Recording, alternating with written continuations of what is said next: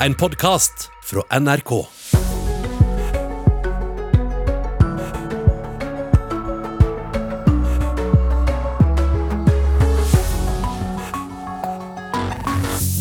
Nyhetsmorgen er på plass i dag òg. Vi skal høre mer om attentatet i Nederland i går kveld mot den profilerte gravejournalisten Peter de Vries. Alle som skal studere til høsten, kan se fram til vanlig undervisning uten énmeterskrav dersom gjenåpninga holder fram. Vi skal straks ha med en foreleser som gleder seg til å være i samme rom som studentene sine.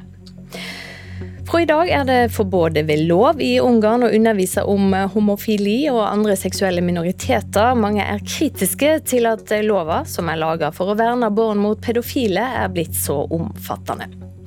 Og som du kunne høre i Dagsnytt, det kan bli dyrt å stoppe på bensinstasjon for å fylle bensin eller diesel denne sommeren. Aller dyrest er det i Nord-Norge. I studio denne onsdagen, Silje Sande.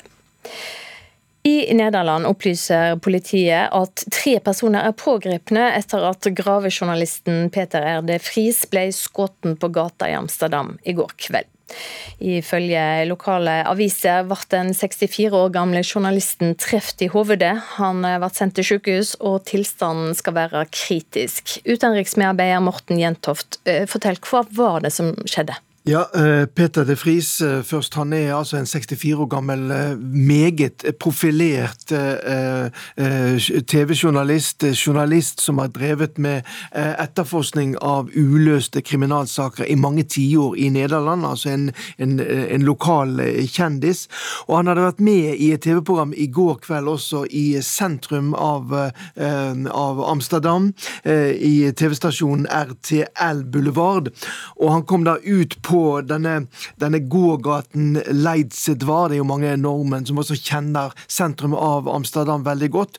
Og det var altså her han ble eh, angrepet, skutt fem ganger, hvorav ett skudd traff ham i eh, hodet. Bilder som ble umiddelbart spredd på sosiale medier, viste jo han liggende da i denne, denne gågaten. Og han er altså fraktet til sykehus, der han ligger med eh, alvorlige eh, skader. Vi vet ikke helt hvordan eh, det går med ham der.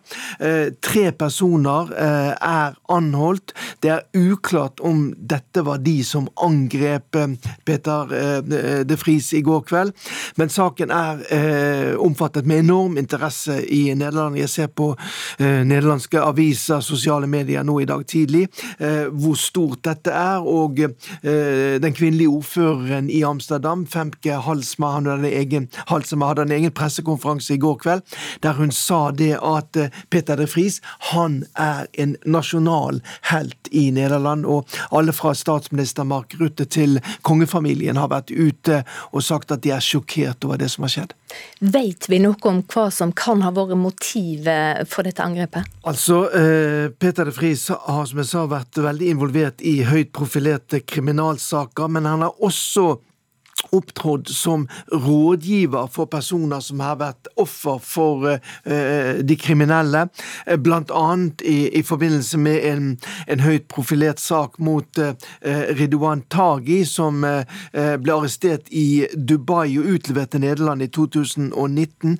Han skal være en av dem som leder et stort narkonettverk i Nederland, og i forbindelse med en rettssak mot ham, så er altså Peter de Vries Eh, rådgiver, det er litt uklart hva slags rolle dette har, for nøkkelvitnet i, i, denne saken her. Men eh, det er jo altfor tidlig å si om det har noe sammenheng med det som skjedde i sentrum av Amsterdam i går kveld.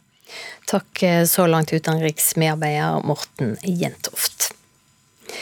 I hele landet forbereder høgskoler og universitet seg eh, på studiestart. Og så lenge vi er kommet til trinn fire i gjenåpningsplanen, så kan skolene forberede seg på vanlig fysisk undervisning uten krav om én meters avstand. Og de studentene vi snakker med, tror det blir bra. Jeg tenker at det bare er eh, greit. holdt på å si. Nå er jo eh, vi vaksinert, og vi blir jo fullvaksinert innen den tid, så for vår del så tror jeg det bare ville vært veldig, veldig deilig igjen. bare positivt, ja. ja. Og også rektor eh, Svein Stølen på Universitetet i Oslo er svært glad dersom de slipper unna énmetersregelen. Universitetet handler om møtet møte mellom studenter og mellom studenter og lærere. Og det å unngå meteren vil jo bety mye for hva vi kan tilby av undervisning, så det er vi veldig glad for. På fredag ble det bestemt at høgskolene og universitetene skulle forberede seg på fysisk undervisning uten énmetersregelen. Statssekretær Åse Marte Horrigmo håper at de kan gi studentene en så normal start på studieåret som mulig.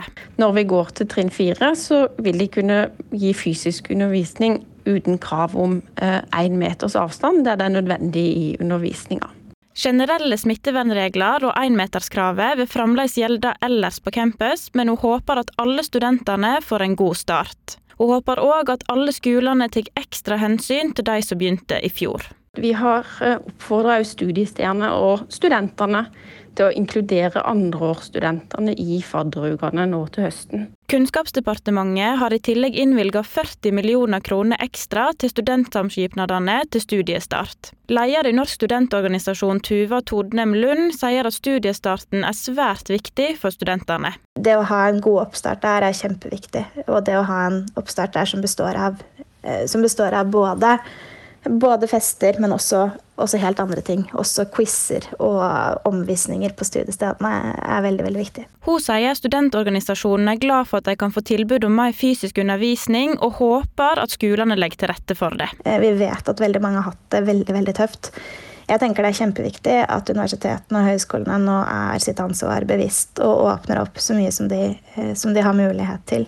Over hele landet forbereder høgskoler og universitet seg på studiestart, og NRK har vært i kontakt med flere som sier at de er glade for å kunne tilby mer fysisk undervisning til høsten. På Universitetet i Oslo gleder de seg til studiestart, og har planene klare, ifølge rektor Svein Stølen. Nei, Vi håper at det skal bli en kjempefin studiestart. Vi har over 1000 faddere klare. Vi har studentassistenter. Vi hadde en fadderuke hvor um, ulike studentgrupper møtes i mindre grupper. Og vi skal ta godt imot dem både faglig og sosialt, og, og hjelpe de også til å få gode studievaner. Så nei, dette tror jeg skal bli veldig, veldig fint. Reporter Ingeborg Kløve Graue. Professor i pedagogikk ved Høgskolen Innlandet, Thomas Nordahl, god morgen. God morgen. Hvordan ser du på å få studentene tilbake på studiestaden til høsten? Ja, det er jeg veldig positiv til, og det ser jeg veldig fram til. Fordi det vil være en mye bedre løsning, både som foreleser og, og ikke minst for studenter. Ja, hvordan har undervisninga vært det siste året? Jeg syns det har vært eh, anstrengende og utfordrende. Eh, jeg er mye mer sliten etter en dag på, på skjermundervisning der jeg bare prater PC-skjermen min, enn jeg er når jeg har studenter i en forelesningssal. Det er, ingen, det er lite dialog, det er lite blikkontakt, det er ingen latter, det er ingen spontane spørsmål. Det er en annen form og måte å undervise på som, som er ganske anstrengende og, og vanskelig å følge med på for studenter. Men likevel, en har kanskje blitt bedre til å kommunisere via skjerm underveis? Ja, det er jeg ikke i tvil om. og på noen områder så tror jeg nok at vi kommer til å fortsette med litt eh, skjermbasert undervisning og veiledning, og særlig veiledningssituasjoner fungerer veldig godt når du sitter alene med en student og veileder på et dokument og oppe på skjermen. Har dere testa alternativ til digital undervisning når det har vært eh, mulig å få til? Ja, det har vi gjort. Vi har prøvd det vi kaller dobbeltsporundervisning. Altså hatt noen studenter på campus der vi har kunnet hatt smitteverntiltakene slik de skal være. Og så har vi hatt andre studenter som har ført med digitalt. Og Det har vært en, en løsning som òg har fungert relativt bra, men ikke på samme måten som alle steder. Du er jo professor i pedagogikk, altså det å lære å tilegne seg kunnskap. Eh, hva vil du si at universitet og høgskoler høyskoler har lært eh, det siste halvannet året? Vi har nok lært mye at det er mulig å bruke teknologi på en litt mer kreativ måte enn det vi har gjort tidligere.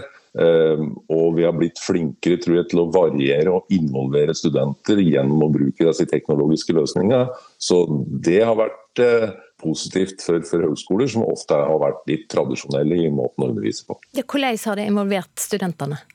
Mer? Ja, bruk, Da bruker vi uh, ulike løsninger som ligger i disse, disse, nettbaserte tjenestene som vi bruker. Da, der du kan dele dem inn i grupper, få dem til å snakke direkte, utfordre dem mye mer direkte enn du gjør tradisjonelt i en forelesningssal. Så vi har, vi har nok kanskje involvert studenter mer direkte enn det vi har gjort tidligere. Og det tror jeg vi skal fortsette med òg i den vanlige undervisninga, slik at den blir mer variert. Men det er jo slik at det er jo ikke umulig at noe tilsvarende kan skje igjen. Hvordan endrer det nå undervisninga for kommende lærere, basert på erfaringene fra pandemien? Ja, altså jeg tror Vi er jo mye bedre forberedt hvis det kommer en ny situasjon der vi må tilbake til eh, digital undervisning. Eh, det vil vi skje nesten automatisk, for nå har vi alle løsninger klare og de fleste har fått kompetanse. Eh, samtidig som vi òg er veldig godt forberedt på å ha en vanlig fysisk undervisning igjen. Slik at jeg tror at begge begge de mulighetene de skal vi klare å takle framover. Men vil de som skal ut og, og være nyutdanna lærere, vil de være bedre rusta eh, enn det som har vært tilfellet tidligere? Eh, jeg er ikke sikker på om de er så mye bedre rustet teknologisk, men de er bedre rustet i forhold til å forstå hvilke utfordringer elever har ved at du sjøl har vært elev og student i en sånn teknologisituasjon som vi har hatt nå. Eh, for vi vet og ut fra den forskninga vi har på elever i skolen, at mange har opplevd dette som veldig utfordrende, og at mange har hatt problemer med å holde arbeidsinnsatsen på et godt nok nivå, slik at har, at de har fått et tilfredsstillende læringsutbytte. Og Da vil det være en fordel å ha prøvd denne situasjonen sjøl. Men bør en ikke også legge om undervisninga for de som skal bli lærere? Jo, det bør vi òg gjøre. Eh, og det er nok mulig at det skjer sånn gradvis, men det har, ikke, det har, vi på mange måter ikke prioritert nå. Men det kan nok hende vi prioriterer mer framover. Og, og, forberede studenter, lærerstudenter i særlig grad da, på at de skal undervise med, med digital teknologi.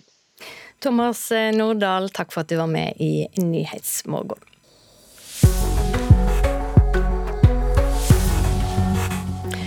Sakene våre når eh, klokka er 7.15. Eh, I Nederland er en profilert journalist skutt og hardt såra. Åtaket skjedde like etter at han hadde vært med i et TV-program i går kveld. Og som vi hørte, både studenter og forelesere ser fram til en normal studiestart til høsten. Énmeteren kan være historien når semesteret tar til, vel å merke dersom gjenåpninga av samfunnet holder fram. Og det kan bli dyrt å stoppe på bensinstasjonen denne sommeren. Prisen på bensin og diesel kommer til å holde seg på et høyt nivå de kommende ukene. Det skal vi snakke mer om nå, for eh, pumpeprisen altså på både bensin og diesel kommer til å holde seg høy gjennom sommeren. Det tror i alle fall flere oljeanalytikere vi i NRK har snakka med. De siste dagene har bensinprisen vært på over 19 kroner literen enkelte steder. For de med diesel- eller bensinbil er det bare å punge ut. Der kommer det. Akkurat tusenlappen. 1036 kroner. Jo, det tror jeg aldri har opplevd. Med 70 liters tank på stasjonsvogna blir det penger.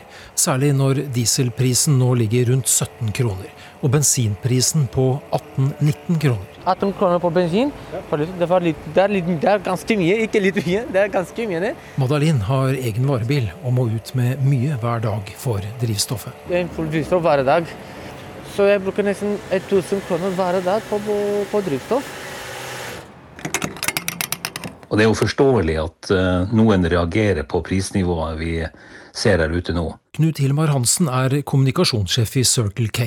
Han peker på at Nord-Norge nå ikke bare har de høyeste temperaturene, men også de høyeste drivstoffprisene. Det høyeste vi ser, er jo Tromsø, som har sin egen drivstoffavgift. Som, der har man jo passert 19 eh, kroner for en liter bensin. Og det er liten sjanse for at bensin- og dieselprisen går særlig mye ned i sommer. For nå er det høysesong for bilkjøring i mange land, og ekstra mange kjører i stedet for å fly nå, sier oljeanalytiker Bjarne Schjelderup i SEB. Ja, vi må jo regne med de pumpeprisene vi har nå, må vi nok regne med gjennom sommeren. Eh, og Så begynner jo eh, kjøringen å avta, og bensinpremien over oljeprisen begynner å dabbe av litt utover høsten. Men, det store spørsmålet blir jo likevel hva blir, eh, hva blir selve oljeprisen. Det er den som på en måte skaper de store bølgene som regel. Oljeprisen styres i høy grad av de oljeproduserende landene. De inngikk en avtale i fjor om kutt i oljeproduksjonen da pandemien slo til, for å holde oljeprisen høy. Og nå krangler de om veien videre. Heller ikke oljeanalytiker Per Magnus Nysveen i Rysta Energy tror på lavere oljepriser nå. Dette er jo drevet av høye råoljepriser på det internasjonale markedet. Og det er drevet av veldig høy aktivitet i raffineriene for å forberede seg til en kjøresesong. Men etter sommeren så tror vi dette vil eh, roe seg litt ned, og da vil råoljeprisene falle litt tilbake. Jeg syns det er helt hårreisende. Det er nesten 20 kroner. Jeg kjørte forbi en eh, pumpe i dag hvor det var 18 kroner og 98 øre her i østlandsområdet, og det er høyt. Og din bil eh, bruker litt også, kanskje? Det er en Porsche. Hvor mye bruker den? Den bruker 1,2. Men du, du har råd til det, eller? Nei. Jeg spiser nudler ellers i uka.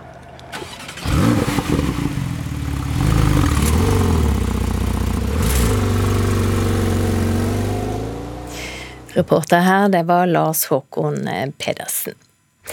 Til eh, Ungarn nå. Der er det fra og med i dag et forbud mot all undervisning om og offentlig omtale av seksuelle minoriteter. Målet er å bekjempe pedofili, men den nye lova innebærer også store endringer for LHBT pluss-samfunnet. Og det har ført til eh, skarpe reaksjoner og flere demonstrasjoner. Eva Sarfi, førstelektor i Øst-Europa-studier ved Universitetet i Oslo. Eh, velkommen til Nyhetsmorgen og god morgen. Takk, god morgen.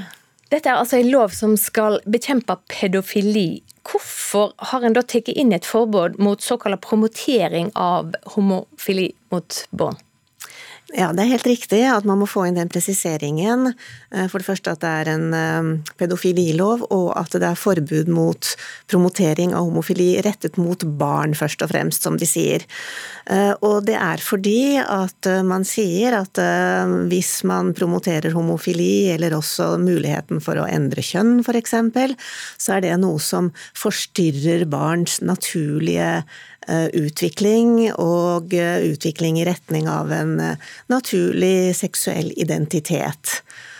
Og da er jo spørsmålet hvorfor har man dette i en lovpakke om pedofili? Jeg vil da si at ungarere flest har hittil ikke hatt et spesielt standpunkt mot homofili. Det har ikke vært fremme i debatten i Ungarn spesielt sterk grad. Ehm, folk flest er kanskje konservative nettopp fordi de ikke har vært en del av debatten. Hvis man spør en ungarer er du for homofili, så sier de nei, men fordi de ikke har tenkt igjennom det.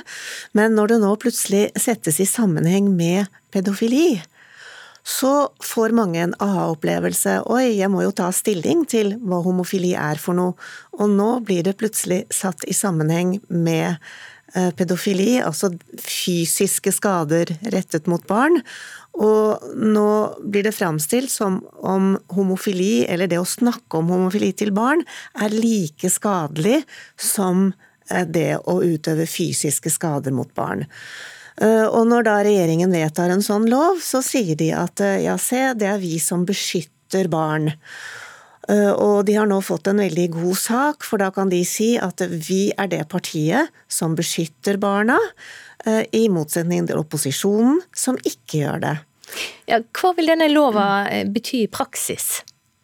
Eh, det betyr at Eh, man eh, Altså i skolene f.eks.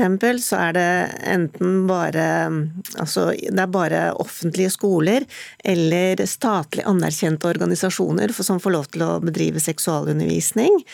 Eh, det betyr også at innen kulturlivet så får man ikke lov til å ha f.eks. bøker eller forestillinger, eh, teaterforestillinger eller andre kulturelle innslag som eh, inneholder eh, tematikk om homofili, fordi det blir da tolket som promotering av homofili, og at det kan skade barns utvikling. Men det er veldig viktig å huske på at dette er kynisk makt politikk og taktikk fra regjeringens side. Fordi neste år så er det valg. Og regjeringen ser nå på meningsmålingene at opposisjonen er i ferd med å styrke seg. Det er en viss sjanse for at de kan tape valgene, og nå trenger de en sak. Og når de da sier at det er vi som beskytter barna, mens opposisjonen ikke gjør det, så er det et knep for å kapre til seg flere velgere. Så dette handler egentlig ikke så mye om at det er iboende eh, homofilifiendtlige holdninger i Ungarn, for det har det ikke vært til nå. Men nå har de altså skapt en sak. Nå er ikke migrasjon lenger et tema. For før så var det migrantene som var hovedfienden, og opposisjonen ville ha migranter. Nå må man finne en annen sak, nemlig at vi beskytter barna, mens det gjør ikke opposisjonen. Så dette er kynisk maktpolitikk. Takk for at du kom hit til Nyhetsmorgen, Eva Sarfi, førstelektor i Øst-Europastudier ved Universitetet i Oslo. Om lag hvert fjerde innlegg på Instagram er spesialtilpassa reklame. Det syner en gjennomgang NRK har gjort. Mengda av reklame kan variere fra bruker til bruker, men dette er en stor økning siden plattforma åpna for reklame i 2013. 25 år gamle Benas Ranjibar handler ofte via annonsene. En, to, tre, fire. Ja, nei, det er hvert fjerde innlegg så er det, er det reklame. Benas Ranibar går gjennom sin Instagram-strøm. Den siste tiden har hun brukt flere tusen kroner på å handle gjennom reklamer hun ser på Facebook og Instagram. Noe som er langt over både hennes budsjett og vanlige rutiner. Jeg har handla mye mer enn det jeg vanligvis har pleid å gjøre. Og den eneste grunnen til det er jo fordi at du får det servert. ikke sant? Ok, se her, her er det salg, her er det salg. Det er ikke noe du, du går og leter etter, det er bare noe som popper opp foran deg. Mengden brukerrettet reklame har økt den siste tiden. Ifølge Bente Øverli fra Forbrukertilsynet er det sånn de sosiale plattformene tjener penger. Det betaler rett og slett for bruken av de sosiale eh, mediene gjennom det at du tar imot denne reklamen. Eh, og det tror jeg ikke det er så veldig mange som egentlig er helt bevisst på, at det faktisk er det som ligger bak forretningsmodellen. Men hvorfor er reklamene så treffsikre? Teknologijournalist Martin Gundersen i NRK Beta forklarer at det handler om informasjonen selskapene har på oss. Det handler om at Facebook vet utrolig mye om våre digitale liv. Eh, og Det gjør at når en annonsør kommer til Facebook, så er det en stor fordel. Fordi Facebook kan si akkurat denne personen tror jeg mer sannsynligvis vil kjøpe noe. Så hvordan kan man slå dette av? Du kan gjøre flere ting for å begrense hvor mye informasjon du deler med Facebook og Instagram. Du kan slå av at Facebook får lov å spore deg eh, på andre apper og nettsteder som Facebook ikke kontrollerer. Og De har gjerne det man kaller en Facebook pixel, en måte Facebook kan se å, du er på denne nettsiden. Det er mulig å slå av. Nina Hareide Larsen fra Facebook mener det er bra for forbrukere å få spesialtilpasset innhold. Vi mener at balansen av ulike typer innhold på plattformen vår eh, er god. Det positive med dette er jo at forbrukerne opplever at de får mer relevant innhold, fremfor sånn som det var tidligere, hvor alle så det samme. Hun mener også at de fleste liker brukerrettet reklame. Vi vet jo at de aller fleste ønsker å se relevant innhold på plattformen vår. Enten det er innhold fra folk du kjenner, grupper du følger, tema du er interessert i, men også de betalte annonsene. Dette er Benas veldig uenig i. Jeg, jeg syns jo selvfølgelig det er kjipt, for man bruker penger man ikke har. Reporter her, Aida Korami. Fotball-EM. Spania har ikke vunnet en kamp uten ekstraomganger i sluttspillet under årets EM. Gårsdagens semifinale gikk hele veien til straffesparkkonkurranse, men eh, før det var det Italia som åpna ballet. Keeper midt i målet, og spillerne tør knapt å følge med ut på banen. Locatelli holder rundt Kilini. Giorginio gjør seg klar. Han løper nå mot ballen, skal skyte med høyre fot, og skyter i mål! Og Italia er i EM-finalen i fotball! Spillerne løper ut på banen og gir Jorginho en klem der nede ved reklameplakatene. Og det tar helt av ute på banen på Wembley, oppe på tribunen og rundt omkring i Italia. Ja, Italia slo altså ut eh, Spania på straffer, og Italia møter med det enten England eller Danmark i EM-finalen på søndag. Kampen mellom Danmark og England den går av stabelen klokka 21 i kveld. og Den kan du følge på radio på NRK Sport eller på TV på TV 2. Så skal vi høre at unger som skal starte i barnehagen i år, er mer usikre og oppfører seg annerledes enn det som var tilfellet før pandemien. Barnehagetilsatte merker at eh, småbarn har mindre trening i å være sammen med andre barn og andre voksne enn foreldre, og det kan gjøre barnehagetilvenninga i år mer krevende enn vanlig. Ingrid på vei til noen aldri før har opplevd. Ettåringen har levd hele livet sitt under pandemien. I dag skal hun på besøk i barnehagen i Tønsberg for første gang, sammen med mamma Charlotte Larsen Silseth. Det blir jo spennende å se reaksjonen hennes med, i møte med de nye. da. Flere barnehager NRK har vært i kontakt med, merker at barna oppfører seg annerledes i år enn tidligere, og er mer usikre enn før. Renate Rasmussen er styrer i Sandåsen barnehage. Det er jo annerledes, og det at barna ikke på en måte har hatt den samme sosialiseringa ute, eh, blir annerledes nå da, dette året her. De første skrittene på vei til å møte nye voksne og nye barn. Her var det masse kjekke leker, Ingrid. Her. Ja, skal vi gå litt videre? Ikke alle klarer seg så bra som Ingrid. Gråt og usikkerhet er normalt, men om koronabarnas manglende sosiale trening får varige konsekvenser, er det ingen som vet i dag, forteller professor i pedagogisk psykologi ved Universitetet i Stavanger, Ingunn Størksen. Det kan vi jo ikke helt vite, for det er ingen av oss som har erfart barnehagestart etter en pandemi før. Så det finnes jo ikke noe konkret forskning. men ut ifra teori og forskning på lignende felt, så, så tror vi ikke at det er sånn farlig for barn. Men det er viktig å ta det på alvor, at dette er en stor overgang for dem, og de trenger ekstra støtte i tilvenningstida. Reporter her, Rikard Aune. Straks eh, klart for Dagsnytt i hovedsending. Etter det skal vi til Israel, der landets nye regjering har gått på et nederlag, mens de arabiske partiene jubler.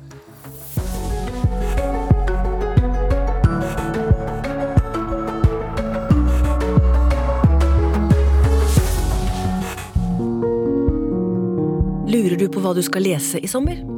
Sommerpodkastene fra NRK Bok byr på ferske bokanmeldelser og reportasjer og intervjuer fra P2s daglige magasinprogrammer. Tips gjerne en venn om podkasten, og ta en titt på nrk.no anmeldelser for flere bøker.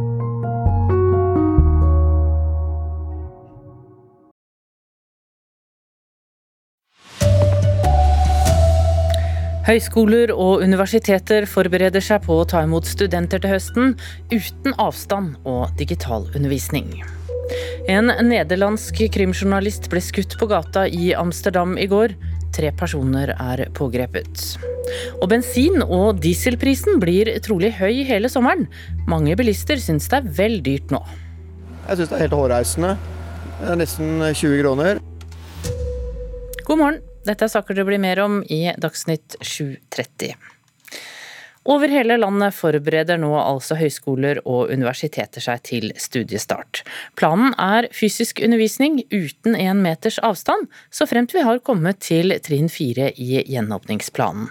Og mange studenter ser frem til det. Jeg tenker at det bare er greit. holdt på å si. Nå er jo vi vaksinert, og vi blir jo fullvaksinert innen den tid, så for vår del så tror jeg det bare ville vært veldig, veldig deilig igjen. bare positivt, ja. ja. Også rektor Svein Stølen ved Universitetet i Oslo er fornøyd dersom de slipper énmeteren. Universitetet handler om uh, møte mellom studenter og mellom studenter og lærere. Og det å unngå meteren vil jo bety mye for hva vi kan tilby av undervisning, så det er vi veldig glad for. På fredag ble det bestemt at høgskolene og universitetene skulle forberede seg på fysisk undervisning uten énmetersregelen. Statssekretær Åse Marte Horrigmo håper at de kan gi studentene en så normal start på studieåret som mulig. Når vi går til trinn fire, så vil de kunne gi fysisk undervisning uten krav om én eh, meters avstand der det er nødvendig i undervisninga. Generelle smittevernregler og énmeterskravet vil fremdeles gjelde ellers på campus, men hun håper at alle studentene får en god start. Hun håper òg at alle skolene tar ekstra hensyn til de som begynte i fjor.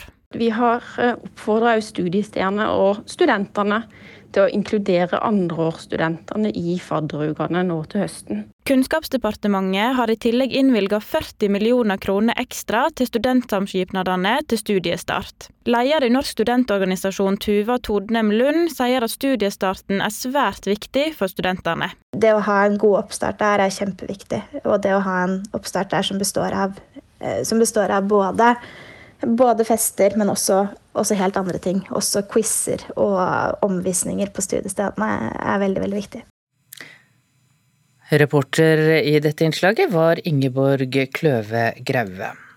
I Nederland er tre personer pågrepet etter at gravejournalisten Peter de Vries ble skutt på gata i Amsterdam i går kveld. Ifølge avisen Het Parol ble den 64 år gamle journalisten truffet i hodet.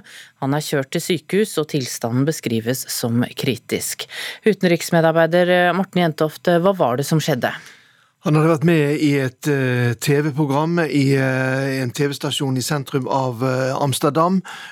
kommer ut på gaten, og ca. klokken halv åtte så blir han altså rett og slett skutt på gaten i en kjent gågate i sentrum av Amsterdam. Som du sier, nå kjemper han for livet der på et sykehus. Tre personer er arrestert. Det er litt uklart om dette er personer som har direkte tilknytning til selve attentatet. Har det kommet noen opplysninger om hva som kan ha vært motivet her? Han er en, eh, Peter de Vries er en kjendis i eh, Nederland eh, for sin innsats i forbindelse med uoppklarte kriminalsaker. Han har også i enkelte saker fungert som rådgiver, som vitne. Det kan være at dette attentatet i går har tilknytning til noen av de sakene, bl.a. en sak mot en kjent kriminell leder for et narkotikanettverk som ble arrestert i Dubai i 2019 og som nå skal stilles for retten i Nederland.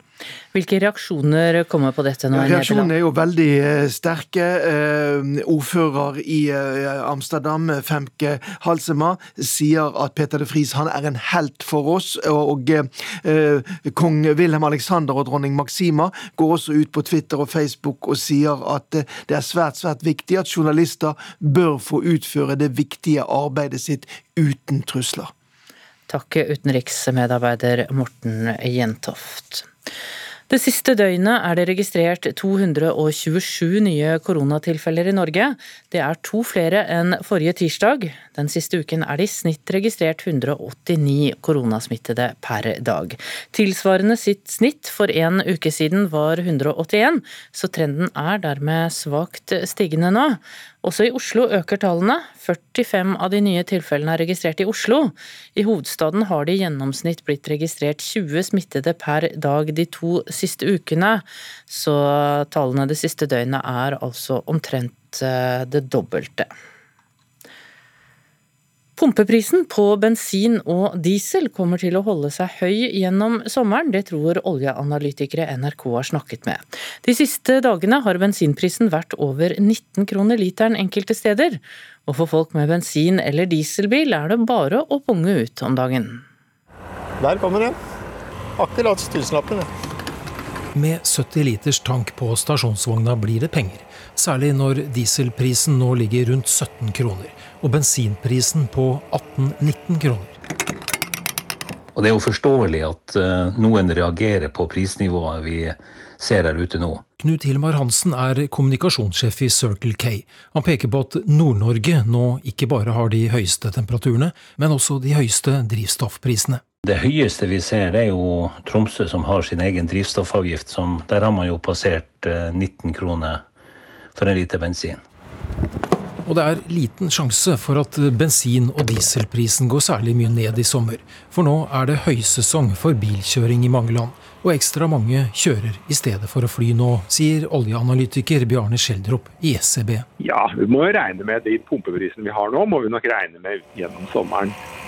Oljeprisen styres i høy grad av de oljeproduserende landene. Heller ikke oljeanalytiker Per Magnus Nysveen i Rysta Energy tror på lavere oljepriser nå.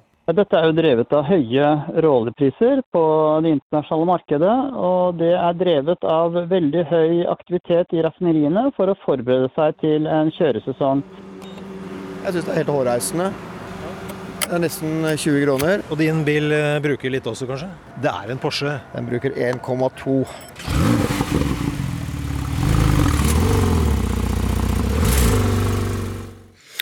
Reporter i dette innslaget var Lars Håkon Pedersen. Neste tema i 7.30 er reklame. Om lag hvert fjerde innlegg på Instagram er nå spesialtilpasset reklame. Det viser en gjennomgang NRK har gjort. Mengden kan variere fra bruker til bruker, men det har vært en kraftig økning siden Instagram åpnet for reklame i 2013. 25 år gamle Benas Rambar handler ofte via annonsene på Instagram to, tre, fire. Ja, nei, det er hvert fjerde innlegg så er det, er det reklame. Benas Ranibar går gjennom sin Instagram-strøm. Den siste tiden har hun brukt flere tusen kroner på å handle gjennom reklamer hun ser på Facebook og Instagram. Og den eneste grunnen til det er jo fordi at du får det servert. ikke sant? Ok, se her, her er det salg, her er det salg. Det er ikke noe du, du går og leter etter. Mengden brukerrettet reklame har økt den siste tiden. Ifølge Bente Øverli fra Forbrukertilsynet er det sånn de sosiale plattformene tjener penger. Det betaler rett og slett for bruken av de sosiale eh, mediene gjennom det at du tar imot denne reklamen. Eh, og det tror jeg ikke det er så veldig mange som egentlig er helt bevisst på, at det faktisk det som ligger bak forretningsmodellen. Nina Hareide Larsen fra Facebook mener det er bra for forbrukere å få spesialtilpasset innhold. Vi vet jo at de aller fleste ønsker å se relevant innhold på plattformen vår.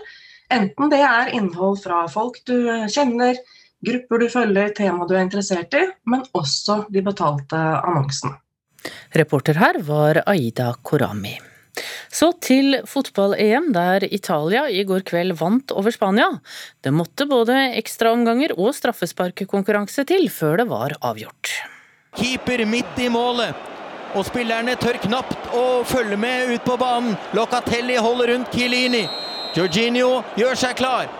Han løper nå mot ballen, skal skyte med høyre fot, og skyter i mål! Og Italia er i EM-finalen i fotball!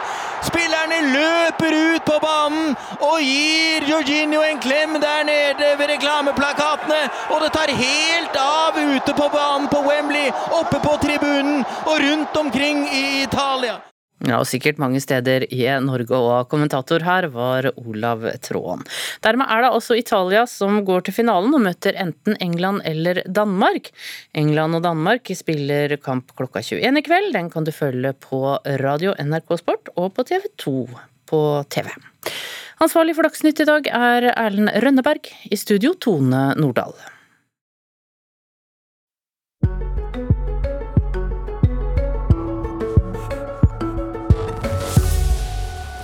Her i Nyhetsmorgen skal vi til Bergen nå, for der blir den til nå dyreste norske filmen spilt inn.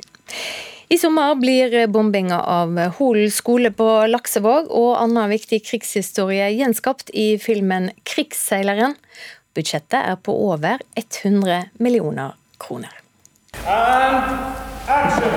I det gamle verftet på Laksevåg i Bergen er tiden skrudd tilbake til 1939. Så ser dere jo her bak oss står det masse folk i gammeldagse klær. Så statistene de blir kastet etter å passe inn i klærne. Fordi at klærne de er liksom De er det de er. For første gang skal historien om krigsseilerne iscenesettes.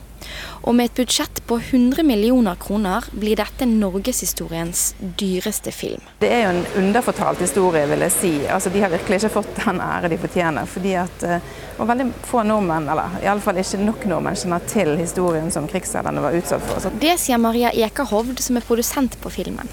Og halvparten av skipene gikk jo ned, så det var jo utrolig mange som både døde, havarerte, så helt forferdelige, opplevde helt forferdelige umenneskelige ting under krigen. Pål Sverre Hagen spiller sjømann Sigbjørn.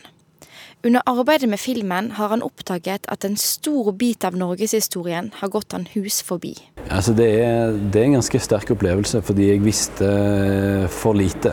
Jeg visste det seg. Jeg trodde jeg på en måte har hørt om krigsseilerne og alt det trøbbelet og vanskelighetene som var for de etterpå sånn, men jeg har ikke visst dybden og omfanget av, av det som, som, skjedde med de og, og familiene deres. Det har tatt flere år å skaffe alle kulissene som skal brukes under innspillingen. Blant dem Hestemannen, som er den eneste båten som har deltatt i to verdenskriger, og som fortsatt er flytende. Kongen eh, rømte Norge i 1940. Så var det fra Tromsø. Og da var Hestemannen var en av dem som var i konvoi med kongen over til England. Ja. Så den har jo historie. Det sier Bård Rasmussen, som er kaptein på båten i dag. Tyskerne klarte aldri å få knekke den båten her. Det var fly som prøvde å, å ta knekken på den. Ubåter. Flyet kom så nært da de, de slapp bombene at flyet kutta mastetoppen. Og det var flyet som fikk skade, og ikke båten. Hvordan var livet for de som, som seilte denne båten under krigen? Ja, du kan tenke deg at de gikk ut fra havnen, og de visste jo der For mange så kunne du tenke seg at det er kanskje siste, siste turen de gjør. For de visste jo aldri om de kom levende tilbake igjen. Mange av scenene i filmen foregår til sjøs. Men også flere viktige hendelser fra krigsårene i Bergen blir gjenfortalt. Bombingen av Hol skole, krigen i Bergen, eh, som også jeg tror mange ikke, altså i vår tid ikke har hørt om lenger, men som var en helt forferdelig hendelse der de allierte bombet, skulle bombe ubåtbunkeren som ligger rett her borte også. Eh, men bombet av en eh, hel Laksevåg barneskole der 193 mennesker ble drept. Altså virkelig liksom vondt å filme også, men viktig. Reporter her, det var Synne Lykkebø Hafsås.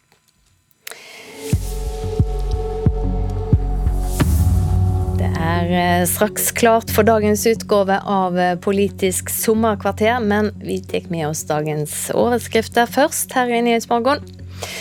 Den nederlandske gravejournalisten Peter de Vries er skutt på gata i Amsterdam etter å ha vært med i et TV-program. Tilstanden hans er kritisk. Dersom gjenåpninga av samfunnet holder fram, kan alle som skal studere til høsten se fram til vanlig undervisning uten énmeterskrav. Det kan bli dyrt å stoppe på bensinstasjon for å fylle bensin eller diesel denne sommeren. Aller dyrest er det i Nord-Norge. Og fra og med i dag er det forbudt ved lov i Ungarn å undervise om homofili og andre seksuelle minoriteter. Mange er kritiske til at denne lova, som er laga for å verne barn mot pedofile, er blitt så omfattende. Men nå Sosialistisk Venstreparti ble nærmest radert ut forrige gang, men nå vil partiet igjen sitte i regjering. Men Senterpartiet vil ikke ha med SV, så hvordan skal SV da klare å kapre en plass rundt bordet? I dagens Politiske sommerkvarter møter vi SV-nestleder Torgeir Knag Fylkesnes. Han blir intervjua av reporter Kristian Skårdalsmo.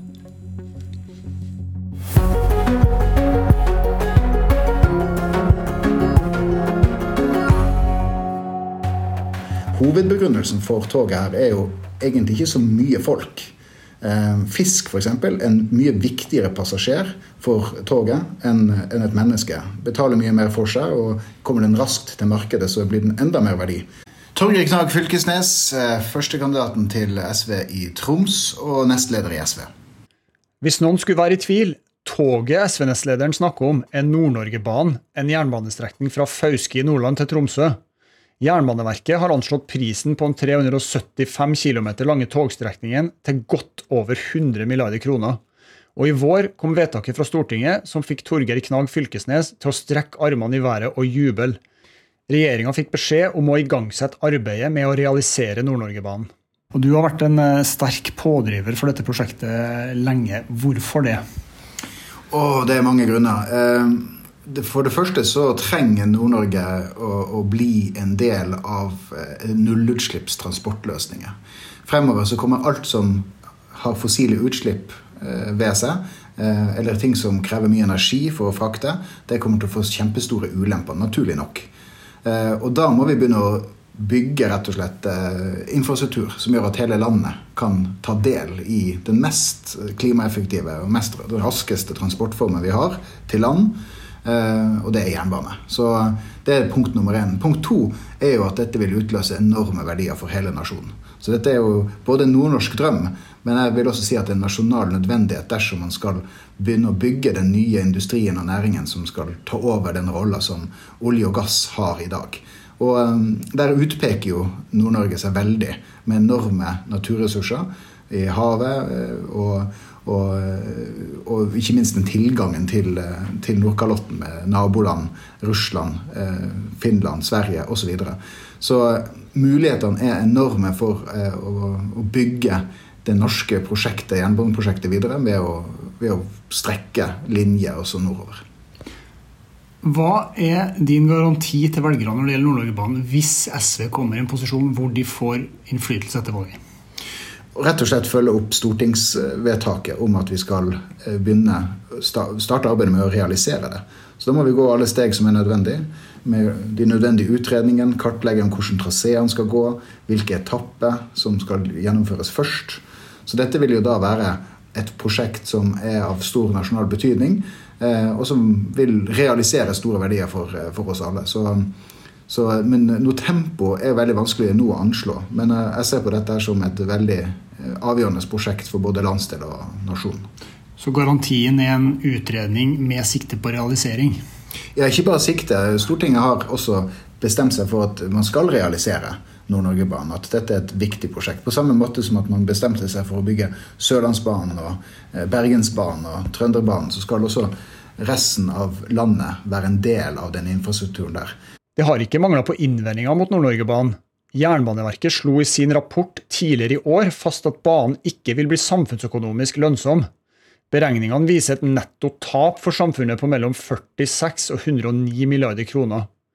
Samferdselsminister Knut Arild Hareide kalte ganske enkelt Stortingets vedtak uansvarlig. La oss ta disse innvendingene eh, punkt for punkt. Hvor skal du hente disse pengene? Altså For det første så er det behefta masse feil i de tallene som Jernbanedirektoratet eh, la til grunn når de eh, utvikla dette prosjektet. For det første så eh, mente de at det ikke ville være et eh, kilo mer fisk på de togene der enn, det det går ut av landsdelen i dag.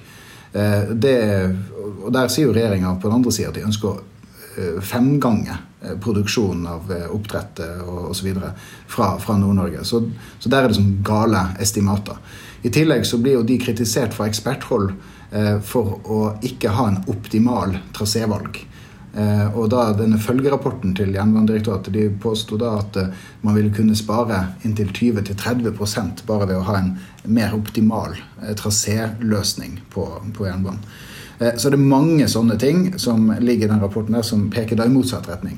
I, uansett fall så, vil, så, så kom også Jernbanedirektoratet frem til at dette ville være et prosjekt som var samfunnsøkonomisk mer lønnsomt enn intercityprosjektet. Så dette her er ikke et eh, prosjekt som det er noen grunn til å til å si er liksom råflott og rå, rådyrt. Dette er et prosjekt som vil lønne seg for nasjonen Norge.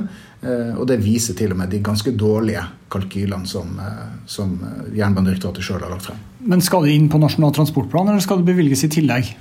Det, det, vil selvfølgelig være en del av transportpolitikken i Norge. Altså Alt skal samordnes der, sånn at man ser en sammenheng mellom fylkesveier, eh, havnepolitikken osv. osv. Nasjonal transportplan er en del av måten vi organiserer transporten på i Norge. Hva skal ut, da? Eh, dette vil jo være en investering som vil strekke seg over lang tid. Og da eh, vil jo det ikke gå på bekostning av prosjekter som er i dag i sin sluttfase. Så dette vil da komme inn som nye prosjekter i senere deler av Nasjonal transportplan. Veiprosjekter? Ja, altså vi har sagt altså det ville være helt meningsløst å, eh, å bygge mangefelts veier for å håndtere f.eks. transport av sjømat på vei når du har fått jernbane. Så dette vil jo erstatte og redusere eh, behovet for både oppgradering og utbygging av veiprosjekter i nord. Samtidig er det stilt spørsmål ved klimagevinsten av utbygginga, som dessuten skal gå gjennom sårbare naturområder med reindrift. Reindriftskritikken er den, det er den jeg syns er mest reell. For det, det, er åpenbart at uh, en sånn bane vil, uh, vil kunne utfordre reindriftsnæringa, som i utgangspunktet er veldig pressa. Og Der har vi sagt at vi må gjøre alt vi kan for å unngå at det overhodet kommer i konflikt. Og så har vi eh, tvilsom klimaeffekt på dette her, og svakt passasjergrunnlag. Ja, altså Tvilsom klimaeffekt Det er jo viktig å huske på at de snakker da bare i, i de neste eh, 20 år. For da må du da regne inn utbyggingsutslippene eh, i dette regnestykket. Eh, og så vil du først få klimaeffekten av, av transporten mye seinere. Eh, sånn at ja, Hvis du tenker på kort sikt, så er det jo ingenting som lønner seg. Men dette er jo et prosjekt som skal strekke seg over hvert fall 100 år, enda lengre. Det vil bli en infrastruktur for nullutslippstransport. Eh, som vil eh, åpne masse muligheter for, eh, for, for, Norge. Men ikke minst gjøre at du har muligheten til å få nullutslipp og, og lavenergiløsninger på transport. Så det er en forutsetning for å kunne realisere de målene vi har satt oss på både mellomlang sikt og, og, og lengre sikt som, som nasjon. Passasjergrunnlaget, da? Ja, og der er, jo, der er det jo veldig pussig. For der har jo Jernbanedirektoratet ikke lagt til grunn det som er normal passasjergrunnlag. De tror jo ikke nordlendingene kommer til å ta det toget der. Eh, og, og, og, det våre De ekspertene vi har forhørt oss med på dette, her, de forstår ikke hvordan Jernbanedirektoratet har, har klart å, å, å, plassere så få folk på toget. Men ingen eh, garanti for når denne banen står ferdig, da?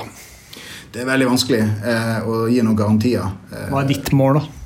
Men jeg mener jo at eh, den skal inn i Nasjonal transportplan i neste runde. Altså om fire år eh, skal, bør de nødvendige konseptvalgutredninger være gjennomført, sånn at det kan fases inn da. Så den endelige formen Nord-Norge-banen vil være i, den, eh, det stiller vi oss helt åpen for. Men at det skal realiseres på en eller annen måte, det, det, har vi bare bestemt oss for i nord, at det skal vi kjempe for. For vi tror det er helt avgjørende hvis ikke Nord-Norge skal forbli en, eh, bli liksom sementert som en sånn ytre periferi der du ikke har muligheten til å frakte deg på en klimavennlig måte. Men hvis Torgeir Knag Fylkesnes og SV skal ha noen sjanse til å realisere Nord-Norge-banen og andre politiske mål, må de rød-grønne partiene vinne valget. Og ikke bare det. SV må i tillegg overbevise Arbeiderpartiet og Senterpartiet om at partiet fortjener å være med i en rød-grønn troika. Men mye var annerledes i 2005, da de rød-grønne sist styrte sammen, enn i dag. Da var Arbeiderpartiet alene dobbelt så stort som SV og Senterpartiet til sammen. Nå puster Senterpartiet Arbeiderpartiet i nakken i kampen om å være størst på rød-grønn side. Og Senterpartiet er dobbelt så stort som SV. Men SV vil i regjering for å få gjennomslag for politikk, og Fylkesnes forklarer hvorfor partiet vil ha en bredest mulig samling på rød-grønn side. Det er rett og slett fordi at uh, hvis du skal ha et stort, altså et klart flertall som kan gå over tid, ikke bare fire år, ikke bare noen måneder uh, rett etter valget, uh, ikke bare ett år eller to eller fire, eller, men flere perioder, da krever det faktisk at man lager langsiktige allianser. Og vi er helt overbevist om at det fins en, eh, en, viktig kjerne i prosjektet som du ser i Senterpartiet, Arbeiderpartiet og oss, MDG og Rødt. Det fins et felles mulig prosjekt der. Hva, hva er det? Det er å redusere forskjeller. Det er å virkelig ta tak i klimakrisa, der Norge er sendrektig. Og så er det det å snu sentraliseringspolitikken som har vært ført. Så i det fellesskapet der bør det være mulig å finne en felles plattform. Og, og da, da, for å si sånn, Skal du ha langsiktig flertall, da kan ikke du være så prippen som enkelte partier er, som stenger dørene for andre. og, og sånt. Da må, du, da må du strekke deg over noen partilinjer. Og, det er ikke sånn at vi elsker å samarbeide med Senterpartiet eller de andre partiene i enhver sak. Eh, ikke sant? Det gjør vi jo ikke. Men er, vi ser at her er det noen enigheter som vi kan, vi kan danne flertall på bakgrunn eh, av. Og, og da, vi, da, har vi en, et ansvar overfor våre velgere og sørge for at vi klarer å liksom, organisere fotarbeidet på en sånn måte at vi får det til. Altså, grunnen til at vi advarer så sterkt mot en eh, sentrums eh, mindretallsregjering med Arbeiderpartiet og Senterpartiet, det er fordi at da blir jo hele poenget at de skal også kunne shoppe til Høyre i noen saker. Og danne flertall med oss i andre saker. Vi er garantisten for at det blir en rød-grønn flertall. For jo sterkere SV blir i dette her, jo mindre sannsynlig er det at du får etablert en sånn sentrumsalternativ igjen i norsk politikk. Men, men, hvis likevel Senterpartiet og Arbeiderpartiet ikke skulle høre på dere, og de danner regjering sammen og Støre blir statsminister, er det da tenkelig for SV å stemme for noe annet enn at Støre blir statsminister? Ja, så Nå har vel Arbeiderpartiet sagt at de ønsker et samarbeid med SV også. Det, altså, vi vil jo da, hvis ikke vi er en del av en regjering, så vil vi gå fra sak til sak. Eh, og stemme for det vi er for, og stemme mot det vi er mot. Eh, og det, Hvis det fører da til at regjeringa syns det blir ulevelig, å være regjering, ja, da er det ikke vårt valg. Da er det da, dem som har gjort det valget ved å utelate oss fra det samarbeidet. Og så har det oppstått en statsministerduell på rød-grønn side i tillegg eh, den siste tida. Kan SV leve med en statsminister Trygve Slagsvold Vedum? Nei, altså, hvorfor, altså, han ønsker ikke å samarbeide med oss. Eh, hvorfor skal vi peke på han? Det det, det er helt unaturlig for oss å, bevege oss inn i den type premisser. Så vi, vi har sagt hva vi ønsker å få til av samarbeid. Vi ønsker en bred front fra sentrum Venstre. Og, eh, og, jobbe for det. Vi tror det, det, er det som er den farbare veien for, eh, for Norge. Altså, alle valg bruker å bli veldig knappe. Eh, selv om det kan se bra ut på meningsmålingene akkurat nå for venstresida, så bruker det bli veldig tett opp mot valg. Og da tror jeg at det er mange partier her som man kan bli avhengig av. Og det som vi i hvert fall vet, det er at SV blir en garantist for om det blir et rød-grønn orientering på den regjeringa eller ikke. Hvis du skulle se litt større på det, si, hvor eh, heldig eller uheldig er det for det hele det rød-grønne prosjektet at det, nå er, at det nå er to statsministerkandidater her? da? Eh, jeg er litt usikker på betydninga av det, egentlig. Altså Det har jo vært eh, Altså, det har jo vi har noe, eh, På mange måter så har det liksom ligget og vært en slags skygge i debatten at kanskje skulle også Senterpartiet komme opp med sin egen kandidat. Men de, det er jo vel stort sett bare Senterpartiet som foreløpig har pekt på den kandidaten. Så jeg tror, ikke det, tror ikke det betyr så mye. Hva vil være et godt valg for SV, da? Hmm. den tøysete måten å svare på det er liksom, Hvis vi har nådd ut med vår politikk Du spør om tall. Nei, vi, eh, vi har ikke sagt noe tall av noe sånt slag. Jeg er jo evig optimist. Eh, jeg tror jo på eh, jeg tror jo at her er det store muligheter for oss. Jeg tror Det pandemien har lært oss, det er jo at forskjellene har bare blitt enda større i det norske samfunnet. her, og Da tror jeg det er mange som kommer til å se mot oss Eh, for vi som har en veldig klar politikk for hvordan vi skal snu forskjellene og fordele makt og rikdom mye bedre og mye mer rettferdig. Og jeg tror mye av valget kommer til å handle om sånne ting. Det kan ikke være sånn at en liten elite skal stikke av med enda mer gjennom en pandemi. Eh, som, jo, eh, som, har vært et fellesskapsprosjekt. Man har brukt betydelig av fellesskapets ressurser. Og så er det noen da likevel som har klart å, å sitte igjen med enda mer.